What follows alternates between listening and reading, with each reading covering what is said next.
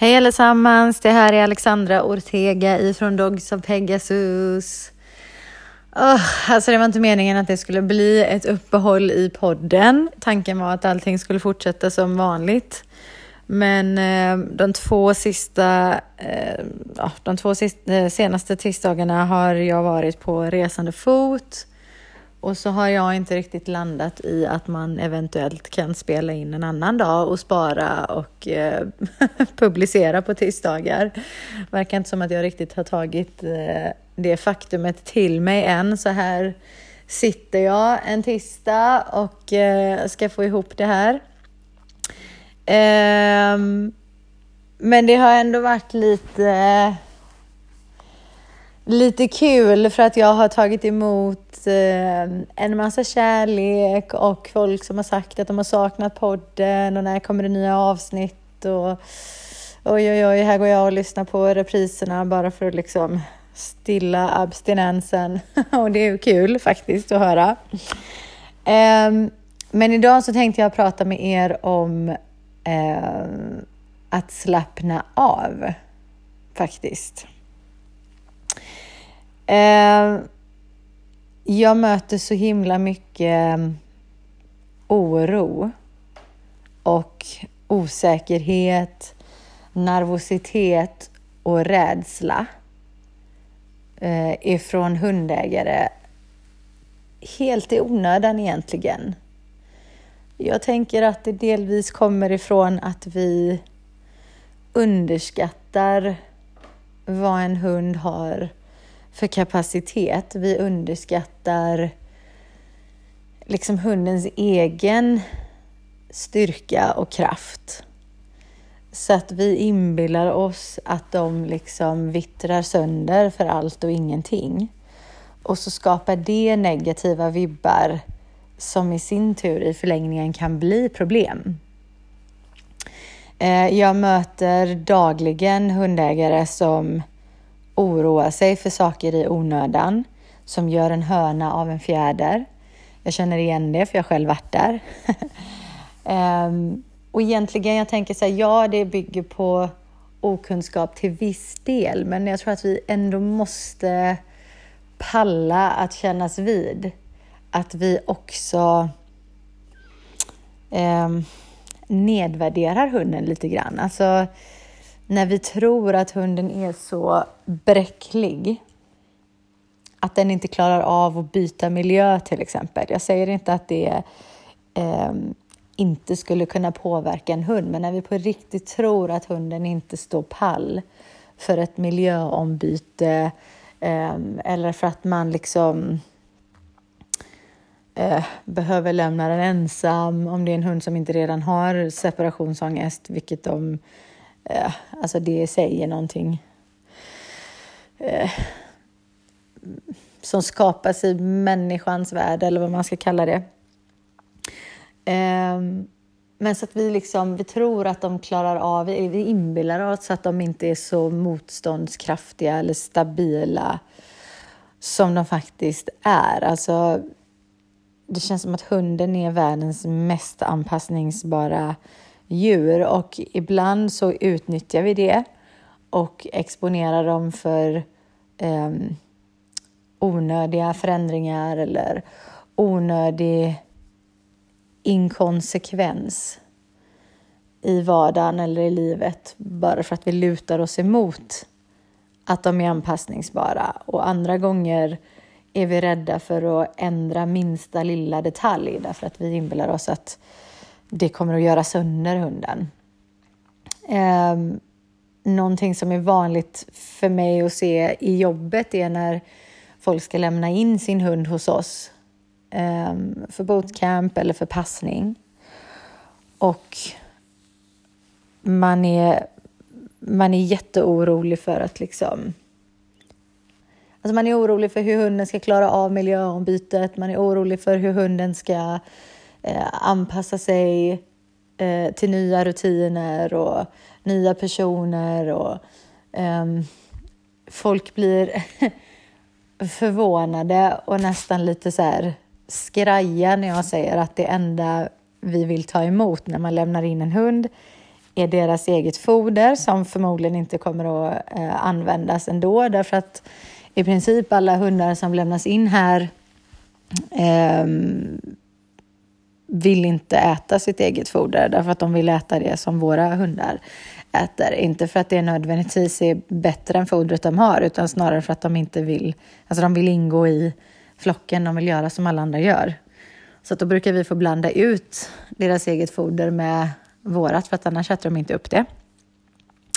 Ehm, men man, vill, man undrar, kan jag ta med mig en bädd? Kan jag ta med mig liksom hundens leksaker, regnkläder och allt vad det är för någonting? Och jag säger att nej, nej, nej, vi har allt sånt här. Vi har bäddar, vi har regnkläder, ehm, vi har liksom allt som behövs. Vi har koppel, vi har skålar. Ehm, det enda vi vill att ni tar med er är fodret och eventuella mediciner förstås. Men det är vanligt, det är väldigt vanligt att hundar som har eh, allergier, överkänslighet, eh, IBS, alltså kroniska mag-tarmbesvär och andra hudbesvär och så vidare, att de inte har det hos oss. Eh, ofta så eh, är vi med om att folk lämnar in Alltså de, de säger så här, okej, okay, men ni vill inte ha en matskål men, eh, för att ni har redan matskål, men min hund måste äta ur en sån här eh, slow feeder, en sån här med en skål eller en sån här grej med massa pluppar i som hunden måste mm, plocka upp matkulorna ur för att det ska gå långsammare. För att annars kräks han efteråt, annars kan han inte hantera maten och så vidare. Och så behövs inte det alls hos oss. Så att jag, jag märker ju att det är en jäkla skillnad på hur hunden är i sin familj och i sitt hem och hur den är här. Och den kan vara reserverad, blyg, eh, reaktiv, vad som helst eh, i sin familj. Men förändras här. Så att när folk är så ah, kan jag lämna in min hund på bootcamp? Ja, men säg en vecka, tio dagar liksom.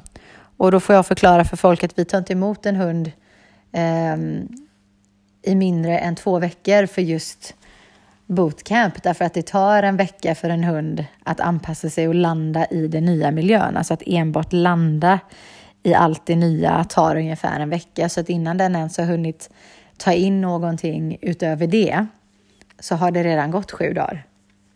De, den hunden som har tagit längst tid på sig var väl en 15 dagar om jag inte minns fel. Innan det var rekordhållaren nio dagar tror jag.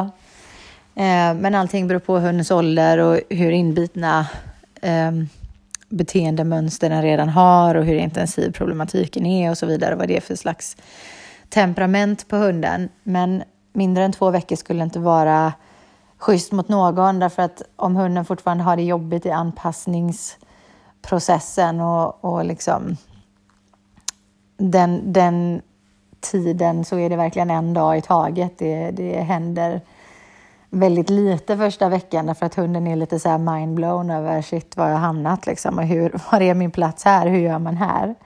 Eh, åker den hem mitt i den processen så kan den ha en negativ association när den åker hem för att jag var mitt uppe i hur fasen gör man? Och så är jag redan på väg hem så att det blir ett för tidigt avbrott i processen helt enkelt och därför är två veckor ett minimum just för att vi inte vill lämna tillbaka hundar mer förvirrade än när de kom hit.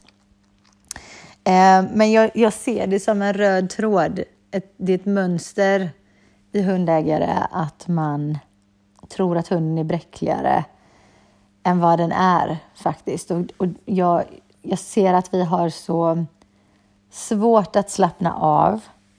Vi tänker för mycket, vi överanalyserar saker. Vi skapar långa, djupa, krångliga, komplicerade historier bakom varför vi tror att vår hund beter sig som den gör. Ehm, det kan vara allt från liksom gamla händelser från när hunden var yngre. Många gånger är det rena teorier, alltså det är inte ens någonting konkret. Hunden är en omplacering, man har ingen aning om bakgrunden.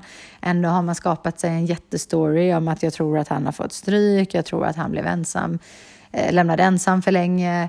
Eh, jag tror att eh, de har smält till honom med ett paraply eller med stövlar eller allt vad det är. Och så har man skapat sig en jättestory kring det. Um, och det, det ligger liksom som spänningar i relationen när det blir så här. Man slappnar inte av och det här brukar gå hand i hand med att man också är alldeles för uppkopplad på sin hund. Man, man är liksom en hundsmamma eller en hundspappa. Man går runt och, och, och inbillar sig att hunden har det sämre eller mår sämre än vad den faktiskt eh, gör. Den liksom ligger i en, i en bädd, men är den mjuk nog?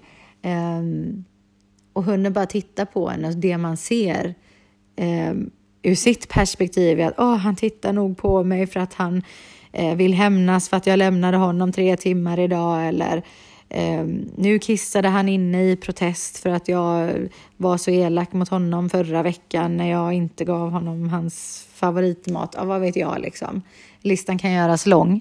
Men folk behöver lära sig att slappna av, relax, chilla, softa, ta det lugnt. Eh, hunden är mer kapabel än vad man ger dem cred för, känner jag. Eh, och här hos oss får hunden vara hund. Här hos oss får hunden eh, anpassa sig till ett riktigt hundliv där de ingår i någonting större än sig själva. Ehm, de får bli en del av en flock, av en stor flock med olika storlekar på hund, olika temperament, olika ålder, olika bakgrund och livserfarenheter. Ehm, och lära sig att kunna samexistera med dem. Vi ställer inga krav på att hundarna ska älska varandra eller ens tycka om varandra, utan de ska kunna samexistera. Och eh, tacksamt nog så hittar de alltid några vänner ändå. Om de får tiden på sig att göra det. Ehm, och jag vet själv, för att när jag hade min första hund så, mm, jag har ju berättat eh, om det här förut, fast ur ett annat perspektiv, men jag var så mån om min hund. Jag hade längtat efter honom så länge. Så att ingenting fick hända honom verkligen. Det var så här, kröktes ett strå på den hunden så gick jag upp i atomer liksom. Eh, så det gick till en sån överdrift. Jag var som en sån här helikoptermorsa över den här stackars hunden som knappt lät honom andas innan jag skulle dyka fram där och kolla att allt var okej. Okay. Och det skapade naturligtvis eh, psykologisk obalans i honom, men även eh, fysisk faktiskt, för att han blev sjuk. Och det är också en sån grej som jag ser så ofta, så det, det låter liksom ytligt när jag säger att hundarna kommer hit och sen har de inte överkänslighet längre, men det är sant. Eh, när vi, så avslappnade som vi är med hundar, jag och Amme, för att vi är så vana vid det livet. Och, och jag framför allt, Amme har, Amme har inte alltid varit det för att han har varit rädd för hundar tidigare istället. Men eh, han har i alla fall inte varit den oroliga typen som går runt och oroar sig för hundens del, snarare för egen del. Medan jag definitivt har varit den typen som oroar mig för hundens del. Och har tagit det till en extrem överdrift. Så jag vet eh, var det här kommer ifrån. Jag vet hur det känns, jag förstår absolut. Det är bara det att hunden gör inte det och man skapar spänningar när man liksom aldrig kan luta sig tillbaks och bara låta livet ha sin gång och tiden ha sin gång och liksom om man vidtar några basic säkerhetsåtgärder, om man kör på PPR och man har liksom en bra grundstruktur så är det inte jättemycket som kan gå fel helt ärligt. Utan det är vi som smittar våra hundar med eh, negativ energi som i förlängningen blir en eh, konkret obalans rent psykologiskt och som även kan bli fysiologiskt. Många gånger blir det det.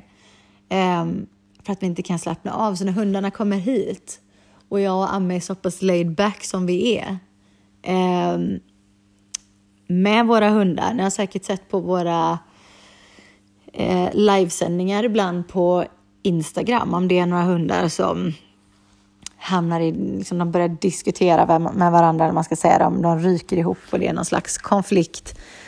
Så vi hör på tonläget när vi behöver lägga oss i, om vi behöver lägga oss i och hur vi behöver lägga oss i. Och det, det är människor som har sagt till mig att att shit, vad jag tog med mig från det var att jag hörde liksom så här från hundarna och att ni inte la er i alls eller att ni la er i fast på ett väldigt avslappnat sätt. Man såg verkligen att det var ingen big deal och så känner jag att jag själv hade blivit helt hysterisk om det var min hund som rök ihop så med någon. Och, alltså det, det ligger liksom en förhöjd oro sen innan. Liksom. Det, det är basic att vara orolig, det är som standard. Och sen kan det bara eskalera därifrån beroende på situation. Liksom. Um, och man behöver ta det här på allvar. Jag kan, jag kan definitivt se en komisk sida i det. Jag ser eh, komik i det mesta. Men liksom, jag kan nu i efterhand så här eh, med lite självdistans göra narr av mig själv för hur det var. Alltså shit, det var ju helt galet liksom. Stackars Evjan gick omkring där med doggles eller fan det heter, sådana här eh, typ simglasögon för hundar för att han inte skulle skada sina ögon och allt vad det var. Och visst, han var en mops. Han hade typ inget ansikte. Han hade ingen nos i alla fall. Så det var ingenting som tog emot. Och ja, han hade en massa ärrvävnad på sina ögon eh, till slut för att han gick in i saker och det blev så direkt att han gick in i en buske så kom han ut med ärr på, eller liksom sår på hornhinnan och så vidare. Um, men det gjorde inte saken bättre att jag var så nervös över det hela tiden. Har du skaffat en sån hund så är det de här riskerna som ingår om han ska kunna leva ett normalt liv. Liksom. Punkt. Och jag tror att det, liksom, det är inte sunt att försöka rulla in sina hundar i en mental eh, bubbelplast. Liksom. För att de måste få lov att vara hundar, de måste få lov att utforska och leva sitt liv utan en helikopterförälder som är där för att liksom kontrollera varje steg de tar och mäta varje andetag de tar ehm, för att se så att allt är okej okay hela tiden. Vi behöver ge hundarna tillräckligt med cred för att förstå att de klarar av att bli skrämda. De klarar av att och liksom, eh, bli ställda eller överraskade eller eh, förvirrade eller vad det nu kan vara. De klarar av det, de hämtar sig. Ehm, det blir snarare djupare och större effekter av att vi går och umkar och ältar. De två faktorerna är så himla mycket mer skadliga för en hunds psyke än liksom basic konsekvenser som vanligt liv kan utdela. Ehm, så att vi behöver liksom chilla lite mer. Egentligen budskapet i det här eh, i det här avsnittet. Vi behöver eh, liksom sänka axlarna och ta djupa andetag och bara luta oss tillbaks lite mer. Sätt det lite mer bekvämt. Alltså, det behöver inte vara så uptight. Hunden klarar sig. Och det här måste naturligtvis sättas i sitt sammanhang därför att jag är inte sen med att påpeka vikten av att stå upp för sin, för sin hund. Jag brukar säga att du är din hunds advokat som ska liksom um, ja, men ställa upp för din hund och gå i god för din hund och, och skydda din hund om det behövs. Men när det blir ett överbeskydd så hindrar vi hunden från att leva och vi hindrar oss själva i processen från att leva. Um, och det det är liksom, eh, vad ska man säga, det eh, alltså kruxet i det hela, eller liksom körsbäret på toppen här, är att när man är en sån här hönsförälder så blir man ändå stämplad av andra människor som att man är en bättre förälder. Åh, du som oroar dig så mycket, vilken bra mamma du är. Åh, du som hela tiden tänker på allting, du ser allting. Så att man blir liksom bekräftad många gånger av omgivningen eh, för det beteendet för att det tolkas som en omtanke. Eh, vilket det kanske är, men som sagt, jag kan ändå inte låta bli och, och liksom rannsaka mig själv och hur det var för mig själv. Att jag, jag gick ju liksom och behandlade Evian som att han var gjord av glas. Som att han var totalt alltså, icke-funktionell. Han liksom, utan mitt konstanta beskydd, utan min liksom permanenta oro så skulle han inte klara sig en halvtimme. Liksom. Alltså någonstans i det budskapet så är det väldigt nedvärderande. Ehm, så att jag har lärt mig under resans gång att men fasen, även en hund som väger något kilo må vara bräcklig eller så, mer sårbar rent fysiskt, men kan ha en jättestark mentalitet. Jag vet inte om ni minns eh, en jourhund som jag hade, en liten chihuahua som heter Paisano. Alltså den lilla hunden på riktigt, hans ben är som fyra tandpetare. Eh, och absolut, han, anledningen till varför han kom till Millennia Animal Project från början och hamnade hos mig eh, i jour var att hans eh, förra ägare som var så mån om honom var jätterädd för att han skulle råka illa ut för han var inte socialiserad och han eh, betedde sig som att han inte var mån om sin storlek. Han var det. Det är det folk inte förstår med små hundar. De tror att små hundar som är kaxiga inte förstår att de är små. Eh, vilket de gör, det är bara det att de inte alltid bryr sig eller så är de kaxiga just för att täcka upp för vad de saknar i sin fysik.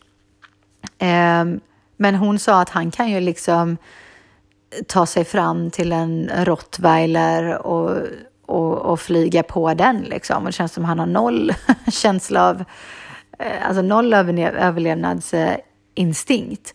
Men många gånger med de här små hundarna när de har ett starkt självförtroende, när de har en stark självkänsla, är att de själva är så övertygade om att de är the boss, så att de levererar deras sanning så himla övertygande.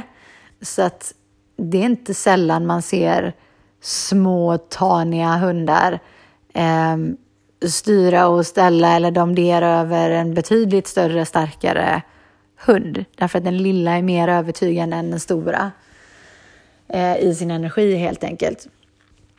Så att eh, alltså jag, jag, liksom, det går ju inte att förneka att vissa hundar naturligtvis är eh, mer fysiskt begränsade. Men vi hjälper inte dem att bli stabilare och tryggare och gladare, lyckligare individer genom att också hämma dem mentalt via vår egen oro. Det är lite som en, en förälder som håller tillbaka sitt barn från att flytta hemifrån eller sprida sina vingar eller öppna sina vingar eller vad det heter och liksom gå ut och upptäcka världen på sitt eget sätt och utvecklas på sitt eget sätt för att det skulle göra mig som mamma orolig och det är mig som mamma obekväm. Så att jag övertygar dig eller jag begränsar dig ifrån att utvecklas för att det blir jobbigt för mig.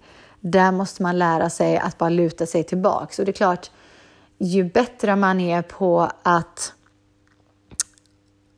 liksom eh, stabilisera sig själv och därigenom stabilisera sin hund.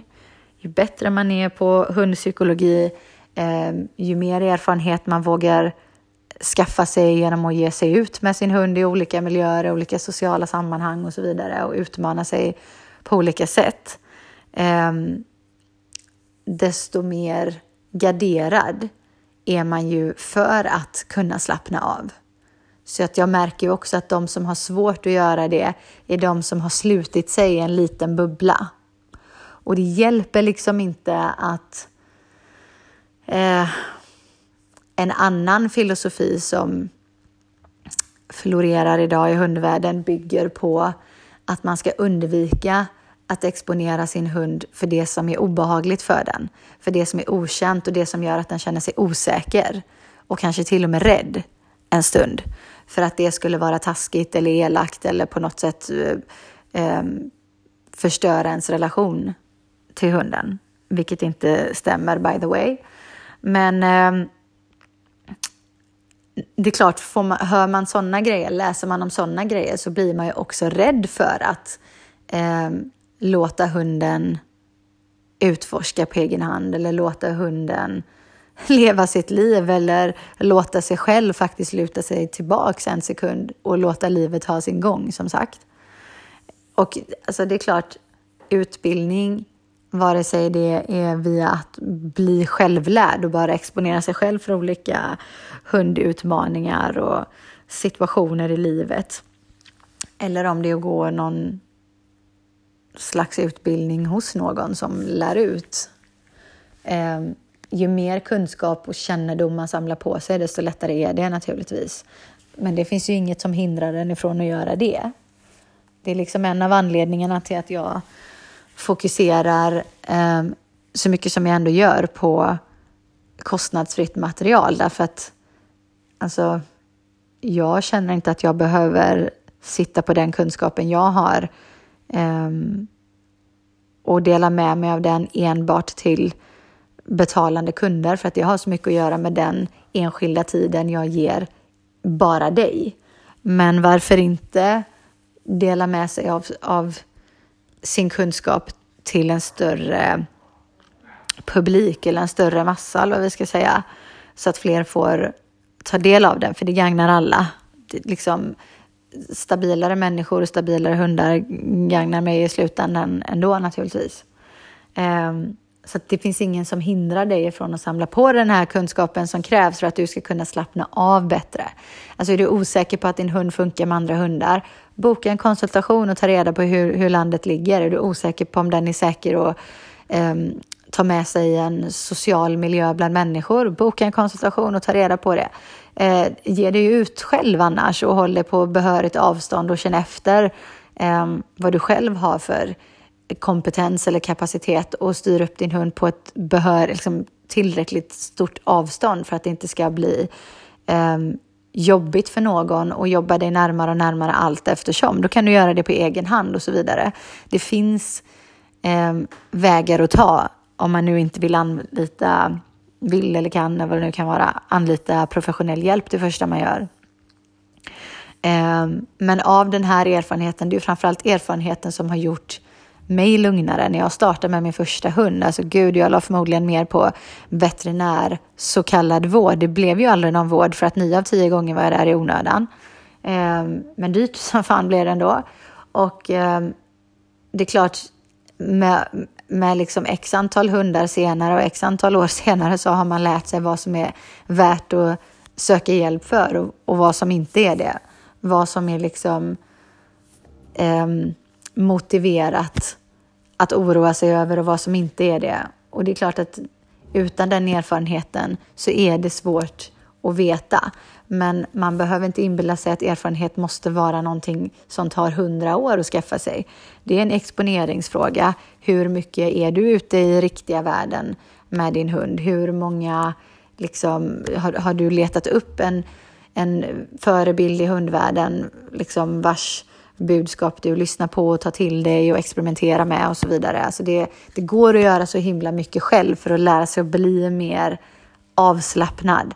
Det är så många bekymmer och problem som vi har med våra hundar idag som vi skapar enbart genom att vi är alldeles för spända. Vi är alldeles för spända och jag tror inte att detta heller bara är en hundfråga utan vi är spända i vårt övriga liv också. Ehm, vi är missnöjda med valen vi har gjort tidigt i våra liv som vi har låtit ehm, finnas kvar bara av ren bekvämlighet. Så att man sitter där eh, senare i livet och känner sig bitter över eh, ja, sina livsval, eh, karriären man har eller inte har eller eh, vad det nu kan vara. Man tittar på sitt liv och, och känner sig missnöjd och bitter över att det är som det är.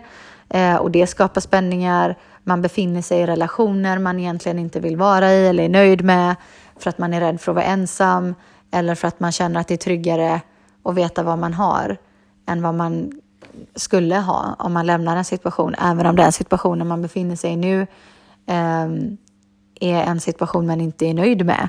Det är så många grejer vi gör av ren bekvämlighet och rädsla. De två grejerna, bekvämlighet och rädsla, som gör oss till spändare, mer nervösa och oroliga individer. Och så tar vi med detta till hundlivet och där är det så, det är en så snabb och enkel väg för oss att gå om vi vill känna oss nöjda med oss själva genom att till exempel inbilla oss att hunden är ynkligare än vad den är. För då kommer jag in här som en savior, som en räddare i nöden eh, och finns där för min hund genom att så kallat trösta den när vi egentligen ömkar den eh, genom att stötta den när vi egentligen ältar. Eh, och så får jag känna mig duktig och stark för att jag finns här för min hund. Om ni visste hur många människor jag träffar som inte vill att deras hundar ska bli bättre egentligen. De får inte bli för bra. Okej, okay, du kan få sluta med det här hysteriska skällandet eh, när grannarna går förbi tomten. Men du får inte bli så bra att jag upplever att du skulle klara dig utan mig. För att jag behöver att du är beroende av mig för att jag ska känna att jag har ett egenvärde. Det finns så många sådana här djupa grejer i hundrelationer som folk inte är medvetna om. För att det är obekväma sanningar, ehm, det är smärtsamma sanningar, vi vill inte kännas vid det. Vi lägger värderingar i dem, vilket gör att vi inte vill kännas vid det för att vi vill inte erkänna att vi har sådana brister. Att vi beter oss på så uppenbart osunda sätt. Vi kommer liksom undan med det längre om vi låtsas som att det inte finns där. Vi sopar det under mattan och så är det bra. Och jag tänker så här att min eh, resa mot bättring, för att jag har gjort alla de här sakerna också, eh, var att sluta lägga värderingar och saker och ting. För jag märkte att jag började ljuga för mig själv när jag gjorde det. Om jag hade bestämt mig för att någonting var bra eller dåligt, ja men då vågar jag inte erkänna de grejerna som jag gjorde som jag hade bestämt mig för var dåligt, för jag vill inte vara en dålig person. Liksom. Vem vill vara det? Och då blev det lätt att jag liksom eh, viftade undan det och bara ville inte kännas vid det och ursäktade det eller bortförklara det och så vidare. Eh, för jag vill inte erkänna att det är där jag faktiskt befinner mig och då tog det så himla lång tid. Det hände ingenting. Saker blev inte bättre. Tills jag insåg att saker måste bli bättre för att den som kommer att bli skadad i första hand är någon av mina hundar. Liksom. Um, och det, när var jag, det var när jag ställdes mot den väggen som jag var tvungen att hitta en teknik för att bli medveten om mina egna mönster och, och min egen skit som jag drog in i hundlivet. Liksom. Eller i livet, som också är hundlivet. Vi tror på något sätt att vi kan välja vilka delar av oss som ska påverka vår hund. Vi tror att våra fem styrkor, säger vi, att vi kan liksom pinpointa dem och på något sätt som om man bara håller in musen till en dator och bara flytta över dem i hundens mapp. Att det är så enkelt och att våra fem svagheter kan få ligga kvar där de var. Vi behöver inte flytta över dem. Det är naturligtvis inte så det funkar i någon relation, speciellt inte någon man faktiskt lever med. Alltså förstå hur många sekunder och minuter och timmar ändå som man spenderar med sin hund varje dag, varje vecka, varje månad, varje år. Och att man naturligtvis påverkar varandra, som jag har gjort ett annat eh, poddavsnitt om, kommer inte ihåg om det var det sista, men någon av de senare här. Eh, så att det, jag, jag, kände liksom att när jag vågade bestämma mig för att okej, okay, vet du vad, vi gör så här att vi skippar att bestämma på förhand att någonting är bra eller dåligt, utan vi bara konstaterar vad som är. Jag är inte en sämre människa för att jag inser att jag gör sämre grejer, för att jag vill ju inse dem så att jag kan förändra dem. Det hade varit sämre för mig i så fall att veta någonstans innerst inne att jag har de här grejerna, men jag låtsas som att de inte finns för att det blir obekvämt för mig att ta tag i det, trots att jag är medveten om att detta påverkar min omgivning och min familj negativt. Eh, så att när jag tog bort mina värderingar från det, eh, då vågade jag titta på min liksom blueprint över mig själv och bara rulla ut de här ritningarna eh, som är det som är jag. Och titta på dem och studera, okej, okay, jag ser att jag har de här egenskaperna, jag ser att jag har de här beteendena, jag kan härleda det till de här anledningarna och jag har den här visionen, jag har den här målbilden. Så vad är det jag behöver justera? Och sen börja fundera på hur. Och det här med personlig utveckling är så himla svårt därför att det är så himla smärtsamt. Alltså det är inte så himla romantiskt och enkelt och vackert och fridfullt och stillsamt som att åka på en retreat på tre veckor i Bali. Liksom.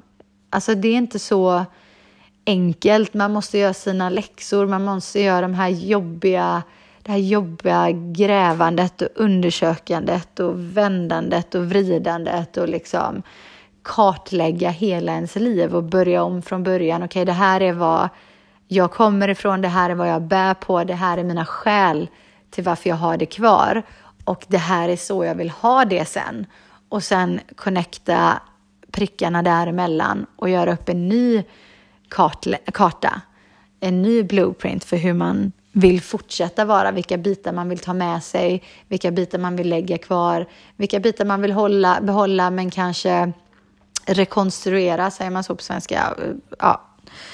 Eh, så att eh, ja, det, det, är liksom, det, det är jobb att göra, så att det, det låter enkelt att bara liksom, vad fan, slänga upp fötterna på bordet, luta dig baks, eh, eh luta dig tillbaks, eh, liksom connecta händerna bak i nacken och bara chilla. Det låter enklare än vad det är, tror mig, jag, jag vet.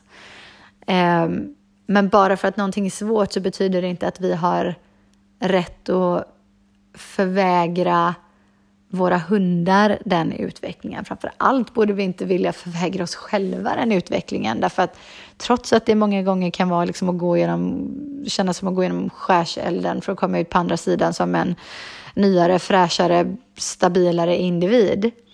Eh, det, är liksom, det är det man vill göra, men när man, när man har tagit sig till sitt första delmål och till sitt andra och till sitt tredje, den känslan av att bli mer medveten och lättare kunna anknyta, anknyta till en punkt av ro på insidan är liksom helt magnifik. Alltså det är obetalbart. Och bara se förändringen i ens hund på köpet. Alltså jag vet människor som för att få balans i sin hund och i sin relation till sin hund eh, så måste de få det i sig själva och för att få det så behöver de byta jobb, eh, klippa olika relationer, eh, laga andra gamla relationer. Eh, de kanske behöver flytta. Alltså det är så stora förändringar som behöver göras i ens liv. Och det är läskigt, jag fattar det. Jag har själv behövt liksom byta karriär, byta förhållanden, byta plats, byta allting. Um, för att det var det som krävdes för att jag skulle hamna i balans också. Jag har gjort de här grejerna. Och jag förstår att det är mer komplicerat ju mer människor, ju fler människor som är inblandade, om man har barn och så vidare. Um, ju längre, ju äldre en relation är, desto svårare kan det vara och så vidare. Um, men som sagt, bara för att man kan konstatera att någonting är svårt och jobbigt och läskigt och skrämmande, bara för att man har de här argumenten bakom sig, så betyder det inte att eh, man kan rättfärdiga att liksom, man ska luta sig mot det i all evighet, för att det blir på bekostnad av dem runt omkring. Om det bara bekom dig, och det är inte så bara, Eh, så hade det varit en annan sak, för du beslutar över ditt eget liv. Men så fort du har ansvar över någon annans som är så himla begränsad eh, i att justera det som händer som en hund är, så måste man liksom visa en helt annan hänsyn och vara ödmjuk på ett helt annat sätt än när det så kallat bara handlar om en själv.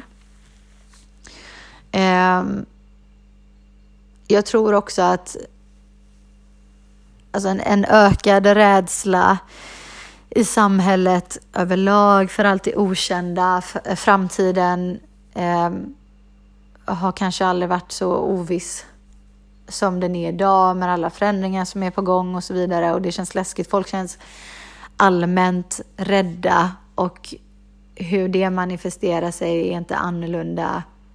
Alltså hundlivet är inget undantag. Det yttrar sig även där. Så att det, det här är inte bara, består inte bara av en komponent. Det är inte så enkelt som att vi bara eh, saknar respekt för vad en hund har för potential och kapacitet. Liksom. Utan det är också eh, samhället i det hela, eh, de vibbarna och den energin som vi blir påverkade av i samhället. Men vi får inte glömma att samhället är vi. Alltså samhället utgörs av oss allihop. Och energi, vi ska inte underskatta energi. Jag hoppas att om ni har tagit er så här långt i den här podden eller liksom lyssnat på det här, att ni redan har insett, eh, även om ni kanske inte har insett fullt ut än så länge, hur mycket ens energi, eh, vilken, vilken kraft och vilken makt det har, så har ni förhoppningsvis ändå förstått att det har det, att det är av vikt. Liksom. Och om man tar det på allvar så inser man att saker och ting måste börja med en själv. Det får inte börja med hunden, därför att hunden bara manifesterar vad som händer i dig. Den bara projicerar vad den får emot sig. Ehm, om du är orolig för situationen i världen så är inte det någonting din hund inte snappar upp. Utan den känner den här oron och kan bara inte identifiera vad den eh, beror på. Det är samma när vi oroar oss då för framtiden. Då oroar vi oss för någonting som inte har hänt än medan hunden lever här och nu. Det blir väldigt svårt för hunden som ligger, vi tittar på nyheterna och ser något inslag och liksom ojar oss och herregud och suckar och stånkar och stönar och, och liksom förbannar oss över läget i världen. Och hunden har ingen aning om vad det är vi tittar på, bara känner hur vår energi förändras och att vi helt plötsligt blir oroliga. Eh, och hunden kan inte identifiera var det kommer ifrån för det finns ingenting i våran eh, omedelbara, alltså här och nu, i den miljön vi finns i nu, som är läskigt. Och du behöver inte se en effekt i din hund där och då, när du blir ängslig över nyheterna, utan du gör det över tid. När det här händer varje gång du tittar på nyheterna i två års tid. Eller, och, så är, och så är inte det det enda du gör, det är inte den enda gången du blir orolig, utan det här går som en röd tråd genom ditt liv så du är orolig för din bostadssituation eller dina relationer eller din ekonomi eller eh, din hälsa, vad det nu kan vara för någonting. Allt vi känner press och stress över och som vi går och oroar oss över. Och så är vi naturligtvis också då oroliga för att vår hund inte har det bra nog. Eller, så att vi går runt och bär på spänningar. Och våra hundar går runt och bär på spänningar. Eh, och sen sätter vi dessutom på dem ett snöre som vi kallar för koppel. Eh, och så spänner vi det också för säkerhets skull. eh, och hundarna spänner det också för att vi drar bakåt och de drar framåt och så går vi där med ett spänt koppel. Och så ska vi ut i vida världen och möta den stora vida världen. Om det är så i vår lilla gata liksom. Så är det hundens värld för att hunden kan bara bry sig om det som den har i sitt eget perspektiv. Den kan inte bry sig om vad som händer på andra sidan eh, jordklotet. Den kan bara bry sig om vad den själv kan greppa i sin närmiljö. Eh, och via doft och så. Och eh, alltså, när vi går runt med det här så är det klart att jag går runt spänd, jag gör min hund spänd genom att spänna kopplet och nu går vi ut och ska träffa andra lika spända hundar och lika spända människor. Vad kommer att hända? Och det som är liksom lite läbbigt är att vi är inte ens medvetna, med, med, medvetna om hur spända vi är. Vi har ingen aning. Jag sätter min högra på att det är massa människor som lyssnar här nu som tänker att, ja men, aha, gud, skönt att man inte är i den sitsen. Undrar vilka det är hon pratar om, för det är definitivt inte jag. Och så sitter man där och just nu, as we speak, behöver du sänka dina axlar. Eh, just nu, as we speak, så behöver du andas lite djupare. Ehm, just nu, as we speak, så behöver du luta dig tillbaks ehm, och slappna av. Och många gånger, eftersom vi har så spända liv i övrigt, så kommer vi hem ifrån ett jobb som är krävande av en eller annan anledning. Eller vi har varit hemma med ungarna hela dagen som också kan vara krävande och så vidare. Ehm, och så kommer vi hem till hunden och nu vill jag fasen bara ta och slappna av. Nu ska jag slappna av.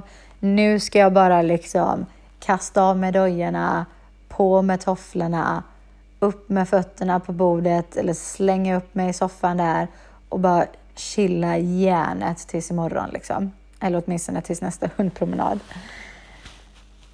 Och så har hunden suttit där och varit ensam x antal timmar eller vad det nu har gjort, varit, på dig, eller varit med dig på jobbet men liksom legat där i sin bädd under skrivbordet eller vad det är för någonting och tagit det jäkligt lugnt nästan hela dagen. Och nu är hunden pigg och vaken och alert och nu ska vi ut på promenad eller nu har jag liksom haft tråkigt hela dagen så att mitt batteri är fulladdat eller vad, hur, hur läget än ser ut. Och hunden behöver vägledning, hunden behöver skydd, hunden behöver instruktioner, hunden behöver direktiv. Eh, hunden behöver att man guidar den. Och så orkar inte jag det nu. Det är nu jag ska slappna av. eh, men jag slappnar av och kopplar bort. Och för mig är det inte helt och hållet samma sak beroende på hur man ser på det. Alltså, eh, jag är mig själv en eh, laid back person. Jag har, ett, jag har ett explosivt temperament. Om jag skulle rita upp en sån här, nu vet jag inte vad de heter, men ni vet man kan kolla så här eh, pulsen eller vad det är på en sån här maskin när det blir såna här hackiga vågor. Jag har en ganska rak linje och sen så blir det en jäkla pik på den och sen blir den rak igen. Liksom. För att det, det är så mitt temperament ser ut medan en annan kan ha liksom toppar och dalar och toppar och dalar och andra kan ha runda kurvor och andra har mer spetsiga och spretiga linjer och allt vad det är för någonting.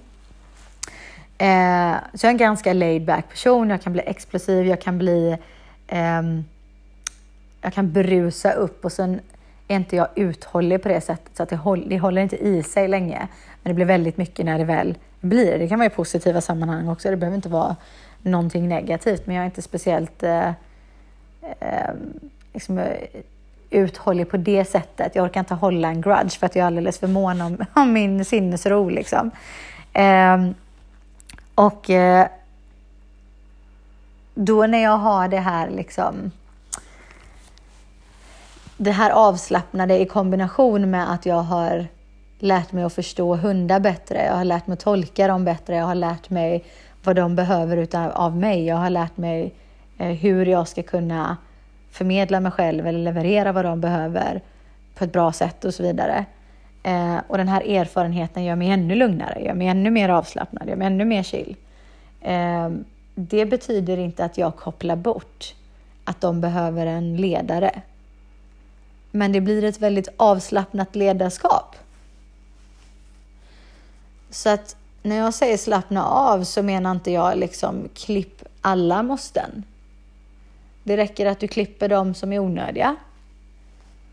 Ehm, jag vill alltid finnas där för mina hundar. Jag vill att de ska veta att om de verkligen behöver mig så är jag där. De kan räkna med mig. Vad de inte kan räkna med är att jag kommer gå runt och överbeskydda dem. Vad de inte kan räkna med är att jag kommer vara uppkopplad på dem 24-7. Vad de inte kan räkna med är att allt mitt liv innehåller är um, ett intresse för dem. För det innehåller andra saker också. Um, så att jag vill att de ska veta att jag är en, liksom inte bara ett tomt kärl som fylls enbart av dem och deras lycka, för det gör mig väldigt sårbar och bräcklig. Och inte sårbar på det starka sättet, utan sårbar på det bräckliga sättet där de känner att du är fan med den som är gjord av glas. Eh, så att jag vill att de ska känna att jag är en individ i mig själv ändå. Så jag har mina intressen, jag har mina hobbys, jag har mina andra saker som jag är passionerad över. Liksom. Um, men jag kopplar inte bort mitt ledarskap i alla situationer där jag och mina hundar är närvarande tillsammans så sitter det i bakhuvudet att det är jag som måste visa dem vägen i hur man gör i människans värld. Eh, när jag har en socialisering med mina hundar, då är det ju de som eh, umgås med varandra och minglar och visar en ny hund vägen och så vidare. Och då vet de att hon lägger sig i om någonting eh, eh, för intensivt sker. Då kommer hon. Om det är en intensitet som vi inte klarar av eller som vi inte borde lösa själva så dyker hon in. Liksom. Eh, det är mycket frihet under ansvar därför att de har fått lära sig att förtjäna den friheten via tillit och respekt. Och då har jag råd att slappna av. Det är också en sån grej att liksom, brist på tillit gör ju naturligtvis att man har svårt att slappna av. Om jag har en hund som jag vet kör med fula grejer så fort eh, tillfället uppstår eller hunden själv kanske till och med skapar tillfällen. Eh, och där får jag svårt att kontrollera hunden eller jag tycker att det är pinsamt att behöva kontrollera hunden, att hunden beter sig som den gör. Det gör mig också spänd. Det gör också att det blir svårt för mig att slappna av. Så ni förstår, det är många faktorer som har med saken att göra. Det är mycket som hänger ihop här. Så att vi behöver nysta ut det här, eh, den här garnbollen och nysta om den igen för att det är jäkligt trassligt som det är nu för många av oss. Men erfarenhet och kunskap går att skaffa sig. Ehm, det är bara att ge sig ut och utmana sig på en nivå man känner sig bekväm med och ta det därifrån och eskalera allt eftersom man tycker att det funkar bra, att man kan hantera situationen. Man kan alltid utbilda sig i hundpsykologi. Man kan alltid anlita en professionell för att få en liksom head start och, och komma längre redan från början. Eh, och det, alltså även om du har haft din hund i 12 år, det spelar ingen roll. Liksom. Du får ändå en, en snabbskjuts en bit ut redan från början därför att du har någon som kan visa dig vad det handlar om istället för att du ska lägga år på att ta reda på det själv, säger vi. Um, men också fundera över dina val i livet. Är du nöjd? Finns det saker som du är missnöjd med som du borde ta itu med, som du borde förändra för att, alltså till fördel för, ett, eh, för att främja ett mer avslappnat liv? Så att du kan kasta av dig en massa onödiga spänningar som gagnar både dig och din hund och resten av din familj och omgivning om du har en. Um, fundera över de här sakerna. För jag känner att mycket av mitt jobb, eh, ja visst, det handlar om att tolka hundarna och få sina människor att förstå hundarna. Eh, men hundarna förstår inte varför vi dras med så mycket spänningar. Och mycket av mitt jobb har att göra med att jag behöver coacha människor i att våga vara sig själva, våga äga den man är, våga stå för det, våga ta de där besluten och göra de där valen som känns bra för en själv oavsett vad omgivningen tycker och tänker om det. Um, våga stå på sig på ett annat sätt så att man blir en tryggare individ och då blir man också mer avslappnad. Och också att man lär sig att ta sin hunds kapacitet på allvar. De är inte gjorda av glas, de är inte gjorda av papper. Ta det lugnt. Ta det lugnt. Andas. Ehm, alla tekniker och verktyg i världen, de håller inte i längden om du inte vet hur du Eh, in the face av en utmaning, alltså när du står inför en utmaning, om du inte vet hur du ska fokusera inåt, andas i det och hålla dig sansad och finna ditt inre lugn, då finns det fortfarande jobb att göra där alltså. Det, och jag tror att man, man blir aldrig fullärd inom det. Jag känner med mig själv, jag har tagit mig en bit på väg, absolut. Men med det här explosiva temperamentet så finns det alltid jobb att göra. Eh, och det finns det med alla temperament för den delen. Absolut. Så att det är bara att liksom eh, sätta igång. Tid är väl någonting som vi inte ska underskatta. Vi tror att den är obegränsad för att det känns så i stunden, men det är den inte. Eh, på tal om att slappna av. Men alltså egentligen när man förstår att det är så, man bara accepterar läget så gör det mig mer avslappnad och veta att okej, okay, jag kan inte veta att om jag är garanterad morgondagen. Så varför inte bara leva den här fullt ut och slappna av? um, så fundera över vad du skulle behöva göra uh, för att slappna av och vad det är som gör att du inte slappnar av i dagsläget och börja ta steg för steg mot att göra det mer på rätt sätt så kommer du att ta ditt eh, hundliv och relationen till din hund och din hund i sig till helt nya höjder och djupare djup. Okej okay då folket. Tack för att ni lyssnade. Jag hoppas att ni har haft en eh, jättetrevlig morgon, middag, kväll, natt, lunch, när ni nu än lyssnar på det här. Och så hörs vi av. Ha det gött allihop! Toodiloo mot balans!